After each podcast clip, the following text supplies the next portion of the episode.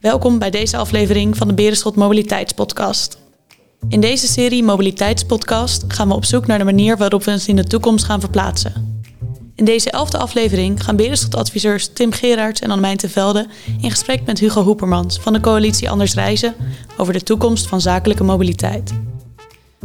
De pandemie bood de uitgelezen kans om ons woon-werkvervoer te verminderen, te veranderen en te verduurzamen. Hebben we dat voldoende gedaan? Wat is de rol van de werkgever in het verduurzamen van zakelijke mobiliteit? En tot waar gaat die rol? Vanuit wat kunnen we als bedrijven zelf doen? Wat kun je als medewerker zelf doen? Maar uiteindelijk loop je tegen de klippen aan dat je zegt: als je het systeem wil veranderen, moeten we de perverse prikkels eruit halen. Welkom bij een nieuwe aflevering van de Berenschot Mobiliteitspodcast. Uh, we zitten hier uh, in Amsterdam op locatie bij Anders Reizen. Onze gastheer is uh, Hugo Hoepermans, directeur van Anders Reizen. is een coalitie die, die duurzaam reizen in Nederland probeert te, te stimuleren en te, en te faciliteren. is dat een goede omschrijving, Hugo, van, jou, van jouw rol?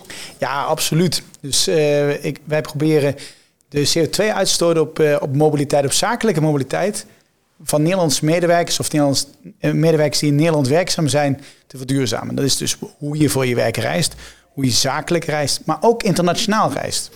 Ja, ja, en dat doen jullie uit monden van, van een veeltal eh, bedrijven. En jullie helpen ze om daar een, goede modus in te vinden. Wat, erg interessant is, zeker gezien het feit dat wij uh, afgelopen tijd natuurlijk een pandemie doorgemaakt hebben. Uh, veel meer thuis zijn gaan werken. Hoe is dat in jouw privé situatie? Heb je je ook als, in de termen van practice what you preach ook thuis geïnstalleerd om dat te werken?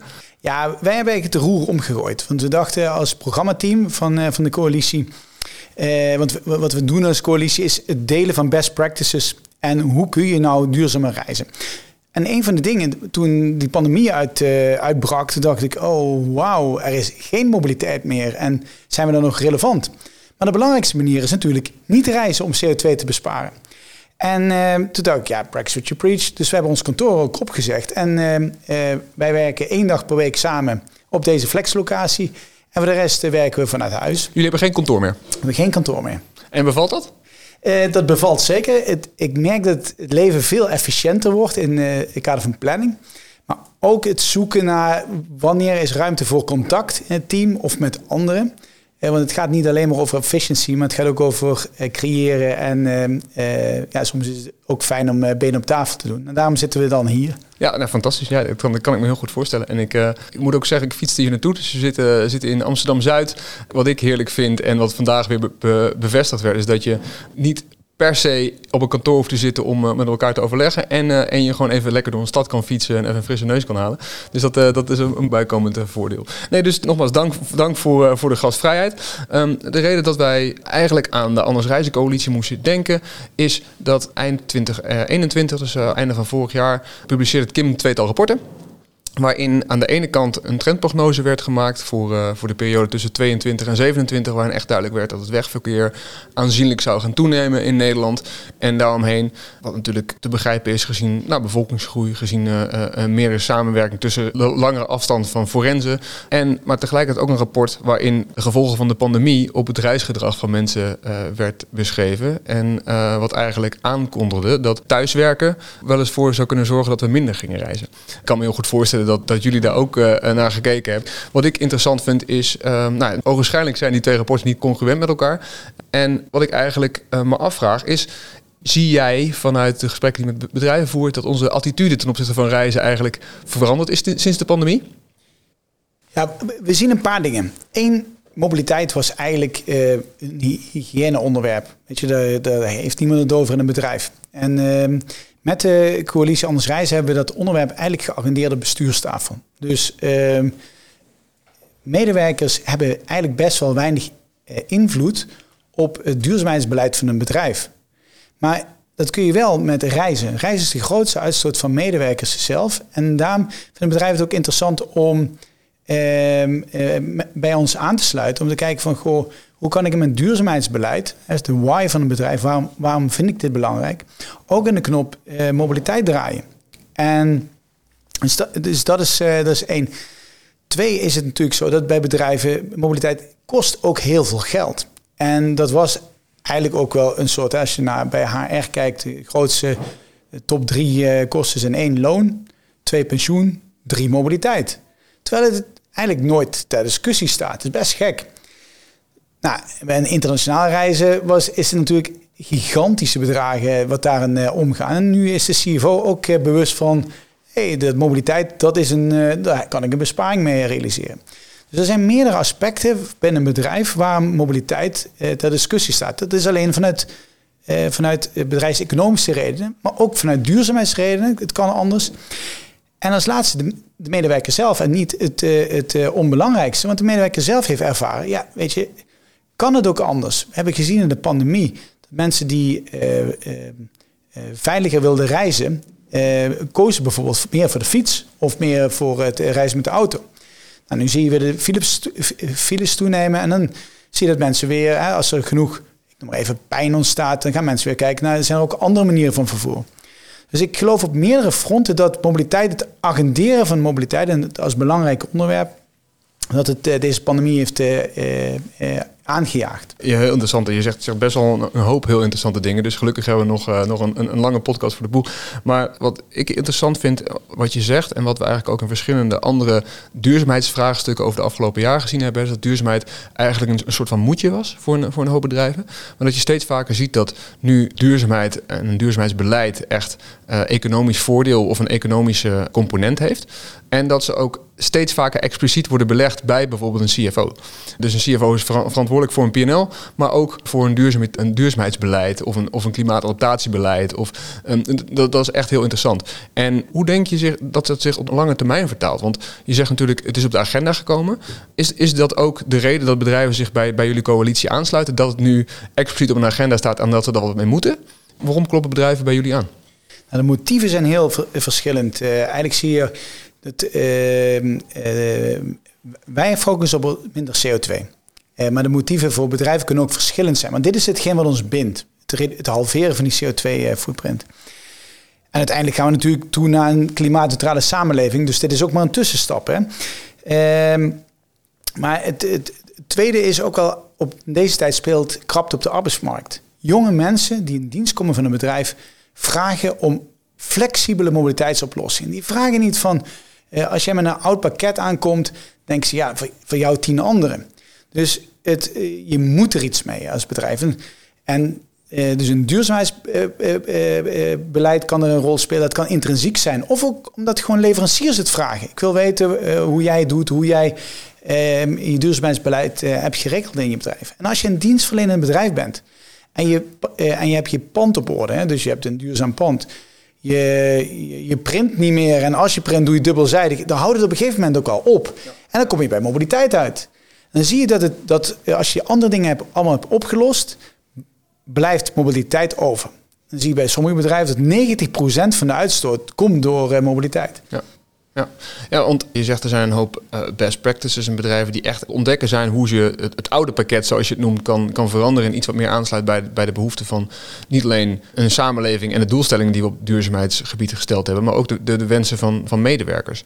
Wat zijn nou uh, oplossingen die jouw uh, bedrijf en jullie coalitie hebben aangedragen die je echt verrast hebben? Kun je, kun je eens een voorbeeld noemen waar, waar je zegt, nou, hier is echt goed over nagedacht. Dat het gaat niet alleen meer als je hier komt werken, krijg je, een leaseauto en, en een tankpas en, en ga ervoor. Maar daar is echt nagedacht over op welke manier kunnen we de mobiliteitseuro's zo goed mogelijk besteden. Om en de mobiliteit die we, die we nodig hebben te garanderen, maar ook medewerkers tevreden te stellen. Ja, eh, één bijvoorbeeld wat ik zie als trend binnen, binnen de coalitiebedrijven, is dat ze de reiskostenvergoeding, want je gewoon vanuit de fiscus kun je 19 cent per kilometer geven, dat ze daarin gaan differentiëren. Dus dat je zegt van als jij eh, met de fiets gaat, Vitens bijvoorbeeld, die geeft 35 eurocent per kilometer voor als je met de fiets komt. En eh, minder voor als je met de auto komt. Je ziet bedrijven die gaan differentiëren, bijvoorbeeld tussen fossiel en niet fossiel. Maar ga dus sturen, uh, of dat, zien we als, uh, als instrument wat, wat ingezet kan worden. Eigenlijk gaat het over het combineren tussen zoet en zuur. Dus als je iets heel erg onaantrekkelijks invoeren. Ik noem bijvoorbeeld, de belangrijkste knop is parkeren. Als je niet meer kunt parkeren, ja, dan ga je nadenken over je mobiliteit. Maar als je daar iets aantrekkelijks naast zet, dan uh, verleid je mensen ook. Een voorbeeld daarvan is de haven Rotterdam of eh, voor de Fonseco. Die hebben gezegd, parkeren, dat kun je niet meer bij ons voor de deur, maar we geven je een overjaarkaart. Uh, en dan, bij Vodafone is het zelfs een eerste klas.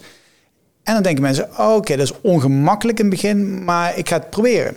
En dan is het ook belangrijk om te kijken of dat voor iedereen geldt, zo'n oplossing. Of dat er groepen ook buiten de boot vallen. Dus, uh, en kun je die ook weer faciliteren. Dus het is ook iedere keer een stapje zetten. Ja, dus niet alleen, niet alleen de wortel, ook niet alleen de stok, maar een goede combinatie van, van de wortel en de stok om mensen te verleiden. Absoluut. Ja. Ook uiteindelijk om de business case goed uh, kloppend te krijgen. Ja, ja nou, interessant. Um, wat we nemen dit, uh, dit podcast in september van, uh, van 2020 op. Een tijdje geleden was er een, uh, een ophef over een persconferentie van Paris Saint-Germain. over het dan wel niet gebruiken van een, van een trein of een vliegtuig voor het vervoer van spelers. Ik vond het heel erg tekenend, omdat de, de manier waarop er werd gesproken over, over het gebruiken van een vliegtuig bijna als statusmiddel meer uh, belang leek te hebben dan het vervoer naar, naar een wedstrijd of een wedstrijdlocatie. En natuurlijk is de auto of het vliegtuig even de afgelopen jaren best wel een soort van een verlengstuk geworden van, van persoonlijkheden. Hè? Uh, misschien wel een statussymbool. Is dat iets wat je tegenkomt bij bedrijven? Dat ze bedrijven eigenlijk vinden dat ze moeten vliegen omdat bij hun status hoort. Dat ze de trein daar een, inferieur vervoersmiddel in vinden? Om het maar met een, uh, met een lelijk woord te zeggen. Nou, Tim, je, je haakt heel veel punten aan. Eén, mobiliteit en status. Ja, die is er gewoon. En de vraag ook is van, ja, als je er als bedrijf op beleidniveau niks anders op doet, of je dat niet gewoon ook in stand houdt.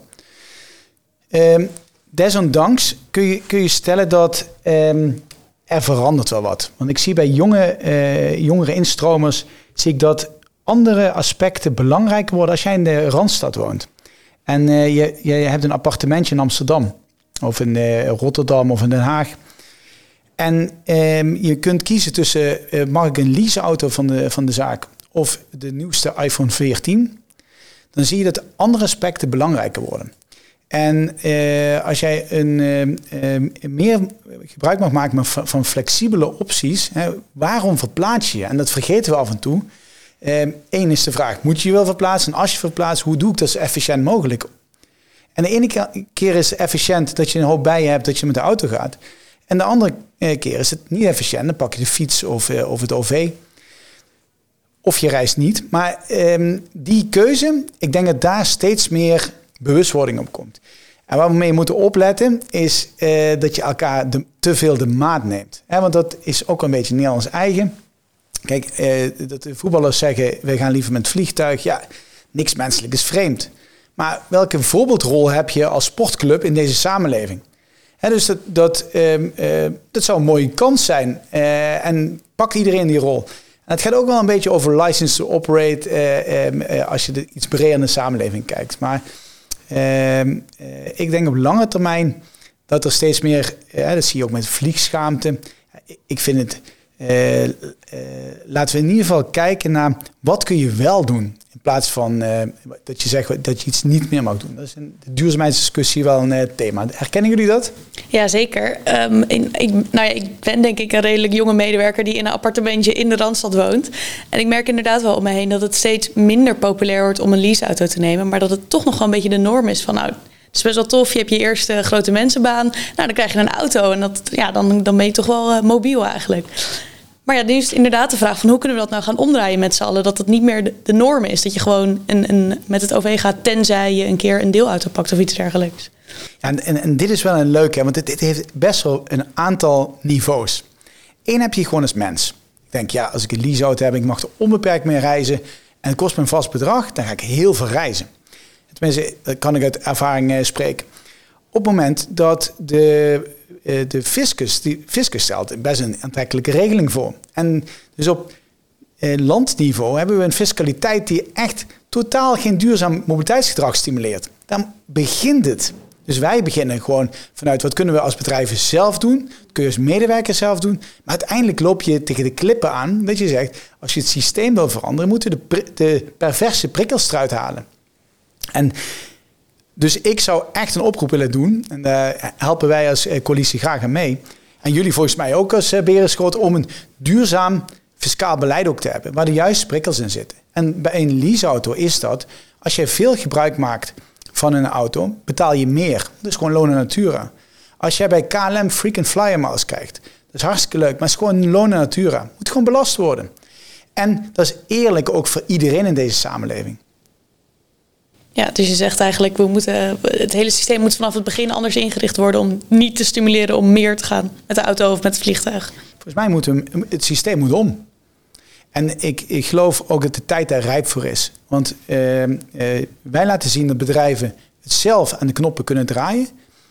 Steeds meer bedrijven gaan het doen. De overheid heeft ook gezegd, we gaan normering invoeren op, of normering, in eerste instantie is ga, ieder bedrijf verplicht die meer dan 100 medewerkers in dienst heeft, om uh, de mobiliteit van de medewerkers te registreren. En daar ook de CO2 op te rapporteren, om zo ook te voldoen aan de klimaatdoelen. Die regeling gaat uh, ja, per 1 januari, of in ieder geval in 2023, gaat die uh, naar alle waarschijnlijkheid in. En um, daarmee geef je ook een signaal af. Maar het moet verder. We moeten ook die, die, in die fiscaliteit ook in de knop gaan draaien waardoor je beloond wordt voor het goede gedrag. Ja, nou ja, en nu, we hebben natuurlijk ook de pandemie gehad en hoe het gedrag veranderd heeft. Uh, sinds afgelopen jaar is er weer oorlog op het continent. Uh, inflatie is schierend hoog en de brandstofprijzen navenant. Nu was natuurlijk de, de eerste reactie die ons kabinet heeft voorgesteld om de accijnzen op brandstof te verlagen. Om maar ervoor te zorgen dat, dat, dat de mobiliteit niet in het gedrang komt. Als we dan kijken naar de manier uh, of de vraag of we de, de, de, kansen die de pandemie bood hebben, hebben uh, gebruikt om te verduurzamen. Denk je dat, dat we voldoende hebben gedaan? Dus dat we voldoende de, de kans van verduurzaming hebben gegrepen ten tijde van, van een pandemie en een oorlog? Um, ja, je ziet gewoon heel veel gewoontegedrag. En uh, laten we wel wezen, hè, 40% van de Nederlanders kan thuiswerken. 60% niet. Dus uh, we moeten niet praten over dat iedereen kan thuiswerken. Maar de kansen benutten gaat wel voor die 40%. Hebben we dat voldoende uitgevogeld. En ik moet zeggen, ik heb voor de vakantie een rondje gedaan bij, uh, bij, binnen ons netwerk. Daar ben ik over langs geweest. En ik heb daar gezien dat uh, bij grote corpus was de bezettingsgraad onder de 40% 30, 40% Je ziet nu dat het weer toeneemt. Maar iedereen is nog aan het experimenteren. Hoe doen we dit nou? Hoe teams zitten te zoeken naar hoe kunnen we efficiënt met elkaar samenwerken. En wat, wat gaat dan wel, wat gaat dan niet. Dus hebben we genoeg geleerd? We zijn nog aan het leren. Dat is het uh, belangrijkste. En wat de zorg zit, is met de stijgende energieprijzen, dat we straks het najaar allemaal naar kantoor hollen om thuis niet die energierekening uh, uh, te laten oplopen. En waar mijn zorg wel zit, is dat we dan in maart volgend jaar zeggen: Oké, dat hebben we gehad en nu gaan we weer terug naar het oude. En misschien laat de cultuur dat niet toe. Dus hoe zorg je nou voor dat die dat cultuurrespect verankerd blijft? Dat is, uh, dat is wel een zorg. Ja, nou, terwijl ik zegt, 40% van de mensen hebben de mogelijkheid om thuis te werken. Nou, ik merk het aan mezelf ook. Ik hoef echt niet vijf dagen per week thuis te werken, maar ik hoef ook echt niet vijf dagen per week naar kantoor. Dus, maar op het moment dat je één of twee dagen thuis werkt, scheelt het al 20 eh, tot 40 procent natuurlijk in het aantal reizen dat gemaakt wordt. En wat denk jij eigenlijk dat bedrijven uh, kunnen doen om duurzaam gedrag aan te sporen bij medewerkers? Hoe kunnen ze dat faciliteren? Of is, is dat inderdaad een rol die voor de werkgever is weggelegd? Nou, dat is een eh, hele mooie vraag. Want uh, ja, duurzaam gedrag, werkgever heeft daar ook gewoon een rol in. Uh, dat zie je enerzijds door uh, externe omstandigheden, dat er nu wetgeving komt op dat je verantwoordelijk bent voor hoe je medewerkers reizen. Maar, maar je moet ook kijken van hoe kun je, welke rol kun je bijvoorbeeld ook hebben naar de tweede werkplek thuis. Hè, die tweede werkplek thuis, daar ben je verantwoordelijk voor de arbo. hoe een bureau staat, hoe hoog je scherm staat. Maar wat betekent eigenlijk de, de, uitstoot, van je, de, uitstoot van je huis? Als jij een, een energielabel F-huis hebt eh, en je zegt, ja, ik stimuleer thuiswerken, dat vinden we heel uh, belangrijk. Ja, kun je beter zeggen, kom maar naar kantoor, want het is uh, duurzamer. Dus kunnen werkgevers ook een rol pakken in het verduurzamen van, uh, van, van, de, van de woning? Als je nu kijkt naar de werkkostenregeling, zijn daar de mogelijkheden heel beperkt voor. Je kunt sinds uh, vorig jaar ook zonnepanelen uh, binnen die werkkostenregelingen faciliteren tot, tot een bepaald maximum. Maar ik denk in deze transitie dat werkgevers nog veel meer kunnen. En daar zit altijd weer, bedrijven kunnen nu al wat. Als dat heel veel bedrijven gaan doen, zou dat mooi zijn. En ze kunnen nog veel meer, maar dan eh, zouden de fiscale ruimte wat moeten oprekken. Dus de rol van de werkgever die wordt eigenlijk veel groter. Ja, absoluut. Ja. En um, denk je dat dat moet dat als het dan weer over een wortel en een stok hebben, is dat iets wat de overheid moet verplichten dat de werkgever daar een rol in moet gaan spelen? Of kunnen we daar door uh, bijvoorbeeld door jullie coalitie, door daar handvaten voor aan te bieden, hoe, hoe kunnen we dat het beste inrichten? ik geloof er echt in dat uh, bedrijven um, zijn hier zelf ook gewoon mee bezig. En je moet de pareltjes, en dat is wat wij doen.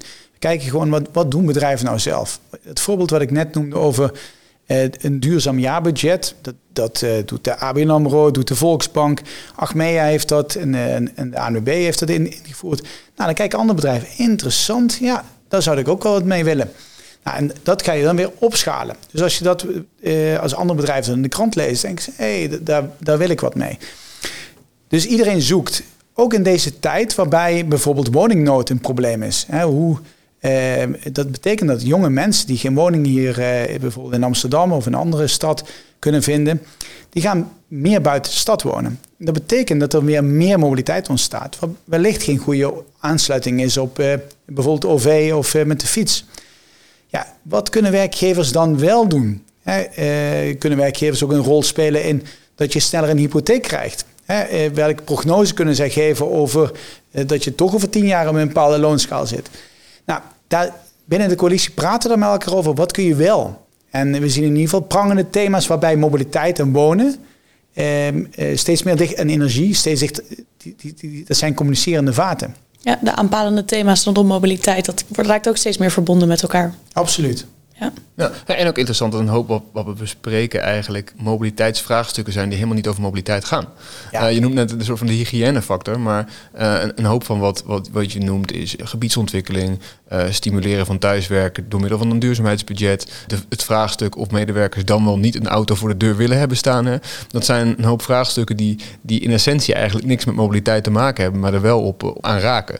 Is dat, is dat ook ik kan me zomaar voorstellen dat ook een van de bevindingen is die jullie eh, steeds vaker in de coalitie doen. Dat, dat, je, dat jij van dag tot dag uh, in overleggen zit, maar waar het niet expliciet over mobiliteit gaat, maar, maar impliciet mobiliteit wel een heel groot invloed heeft.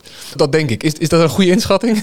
Ja, de, de valkuil, heel mooi Tim, de, de valkuil is wel dat je het hebt, dat je gaat um, over heel veel thema's gaat praten, maar je focus verliest. Onze focus blijft verduurzamen van mobiliteit in Nederland, zakelijke mobiliteit. Alleen om dat te komen heb je ook andere thema's nodig. Die, ik, ik, ik noem een heel mooi voorbeeld. Als jij uh, uh, de grootste, uh, zeg maar, een van de grootste doodsoorzaken in Nederland is hart- en, hart- en vaatziekten. Dat komt, over, dat komt door eten, maar ook door bewegen. Als je dagelijks gewoon op de fiets springt naar je werk, of fiets naar het OV, wat vaak een, een combinatie is, dan ben je in ieder geval in beweging. Dus mobiliteit kan ook een oplossing zijn voor andere maatschappelijke thema's. Een andere is bijvoorbeeld ruimte. Daar hebben we het niet over gehad, maar ruimte. Als ik hier op de Zuidas kijk, maar dat is op heel veel plekken in Nederland, staat het s'avonds, staat gewoon alle parkeerplaatsen leeg. Maar de binnenstad staat vol met auto's. Zonder van die ruimte, ook al 40% van de publieke ruimte zijn geparkeerde auto's. Zou je die kunnen delen? Zou je die parkeerplaats kunnen openstellen? Daar wellicht ook nog iets op verdienen of, een tarief opvragen. Want je, uh, en de laadpalen die er zijn kun je ook benutten. Publieke assets. Hè? En uh, dat kun je vanuit bedrijven zelf.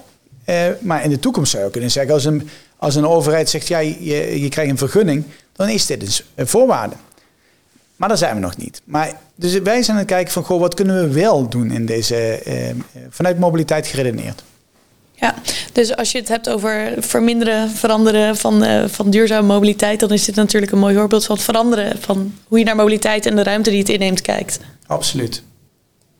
Ja, dus dat, dat verminderen, dat is de, de, de learning van COVID. Hè. Eh, eh, moet je wel reizen? En als je reist, doe het zo duurzaam mogelijk. Dat is wel het adagium. Ja. En um, wat, wat zijn een aantal, of wat is het mooiste voorbeeld wat jij, uh, wat jij hebt geleerd van een bedrijf bij jouw coalitie in deze context? Ja, ik denk niet dat er één voorbeeld is. Maar uh, uh, ik, wat ik het leukste vind, is het spelen met uh, de, de standaard. Wat is de standaard eigenlijk? Mensen, menselijk gedrag is dat je niet wil nadenken, of niet nadenken, iedereen wil nadenken, maar niet iedere dag een andere keuze wil hebben. Dus als je gewoon aangeboden krijgt, ehm, standaard is dat je, eh, als je bij de Albert Heijn binnenloopt, dat er eerst groente staat in plaats van de cola. Ja, dan pak ik ook eerst groente. Hetzelfde geldt bij mobiliteitsbeleid. Als je een leaseauto krijgt, waar we het net over hadden, dan is standaard, ja, dat is tegenwoordig volgens mij al bij iedereen standaard dat je een elektrische auto krijgt. Um, datzelfde geldt voor um, OV. Waarom geef je niet standaard een OV-kaart tenzij. En tenzij kan het te maken hebben met jou, eh, als je het hebt geprobeerd, het hoeveelheid dat het niet geschikt is voor jou vanwege je woon-werkverkeer. Maar ik ga het eens een keer proberen. En ehm, wat, wat mij ook altijd blijft triggeren, is dat een groot deel, ik denk zelfs uh, 35% van de mensen, in een straal van minder dan 10 kilometer van hun werk wonen. Dus ja, waarom kunnen die mensen niet op de fiets? Het levert je veel beweging op. Je, je wordt er strakker van. Je wordt er blijer van. En toch niet altijd. Maar biedt als bedrijf ook die faciliteiten daarop aan. Ja, ik kan voorstellen dat een bepaalde mate van, van misschien licht, lichte dwang ook bij hoort uh, vanuit, uh, vanuit een werkgever. En dat dat een, een moeilijk vraagstuk is in relatie tot uh, nou, zeker een krappe arbeidsmarkt. Maar tegelijkertijd denk ik ook wel dat op het moment dat je voldoende handvatten hebt om je medewerkers voldoende flexibiliteit te bieden en, en, daarmee zelf keuzevrijheid, dat, dat je rolopvatting als werkgever ook een stuk breder wordt. namelijk, je hebt een verantwoordelijkheid niet alleen voor je medewerkers, maar ook voor, je, voor de maatschappij waarin je werkzaam bent. Ja, ja laten we wel wezen, bedrijven eh, vragen iedere dag om mensen naar, naar een bepaalde plek te komen en sturen ze aan het einde van de dag, sturen ze die ook weer terug. Als je het even heel plat slaat. Dus waarom eh, pakken bedrijven die verantwoordelijkheid niet? Nou, binnen de coalitie Anders Reizen pakken die bedrijven die wel. En ik zeg ook dat zoet en zuur combineren. Ja, ga niet iemand een parkeerplaats afpakken. Maar je kunt wel afvragen, dat pas geleden uh, in een groot ziekenhuis in Nijmegen. Die zeiden, ja, als je dichterbij uh, woont, dat uh, betekent niet dat je niet mag parkeren, maar dat is duurder om te parkeren. Um, en als je verder weg woont, ja, dan, dan is de reisafstand en de reistijd ook langer. Dus kijk ook, het, het is niet of-of, maar biedt verschillende opties aan en maakt de ene optie aantrekkelijker dan de ander. Dat is volgens mij iedere keer wat bedrijven makkelijk kunnen doen. Ja, we stelden eerder de vraag, uh, pandemie bood een kans om te verduurzamen. Hebben we die kans ook uh, voldoende benut? Uh, als, jij, als ik jou zo hoor, zou ik bijna, bijna zeggen, we zijn, we zijn een stap aan het zetten, maar we zijn er nog niet. Hoe, hoe zie jij dat? Ja, nee, ik denk dat, het een ons, dat we zeker stappen zetten. En ehm, ik denk dat, de, wat, ik, wat ik eerder zei, bedrijven zijn er veel bewuster mee bezig. En dat zie je bijvoorbeeld met het vliegbeleid enorm dat bedrijven nu de discussie hebben. Die hadden helemaal geen vliegbeleid, veel bedrijven. Of ergens in de kast. Dus eerst beginnen met inzicht. Wow, we hebben veel bespaard of deden we zoveel? Nou oké, dan begint dat nu weer op te lopen. Wat willen we? Nou, daar hebben wij een koploperbeleid op gemaakt. Welke maatregelen helpen, helpen echt? Nou, en dan heb je als laatste stap is monitor je ook laat je het ook terugkomen en uh, kijkt er ook iemand naar die cijfers of is het een beleid dat weer de kast in gaat. Ik zie dat dat echt verandert. En het was vorige week een onderzoek, of twee weken geleden een onderzoek, dat uh, werd gedaan onder Europese bedrijven en medewerkers. Zie je dat in Nederland relatief, dus in de, de rest van Europa werd gezegd, nou, vliegen dat gaat weer terug naar het oude niveau. En Nederland bleef daarop achter. En waarschijnlijk heeft dat te maken met uh, meer duurzaamheidsfocus van het Nederlandse bedrijf, maar ook dat wij best wel een goede digitale infrastructuur hebben. Ik kan me ook voorstellen dat we, eh, ondanks dat we geen uitgebreid hogesnelheidsnetwerk hebben in, in Nederland, dat er best wel een hoop verbindingen eigenlijk binnen handbereik liggen. Hè? Dus Londen, Parijs zijn daar voor mij uitstekende voorbeelden van. Absoluut, absoluut. En, uh, maar dat begint ook weer, begin eerst met je analyse. Hoeveel vluchten hebben we? Waar gaan ze naartoe? Dan kun je ook zien, wat is morgen uh, te, te, op een andere manier te verreizen? En eh, ik probeer ook te kijken niet naar de problemen van vandaag. Ik bedoel, op Schiphol gaat het niet lekker. En eh, op het spoor is het in de zomer ook niet lekker gegaan. Maar laten we eens even vooruitkijken. En vooruitkijken gaat ook over waar staan we over twee jaar. Als we nu met, met z'n allen in Nederland zeggen naar Londen, gaan we gewoon met z'n allen met de trein. Eh, dan heeft NS of Eurostar ook de mogelijkheid om daar trein op aan te schaffen. En dan kunnen we ook als, eh, als kan de politiek ook zeggen, we vliegen daar gewoon niet meer op. Ik neem maar even het, het, het, het totaalbeeld. We moeten ergens aan toewerken en we moeten vraag stimuleren. Want je kunt wel naar elkaar kijken en niks doen. Maar je kunt beter nu gaan handelen en daar uh, beleid op maken. Anticiperen. Ja.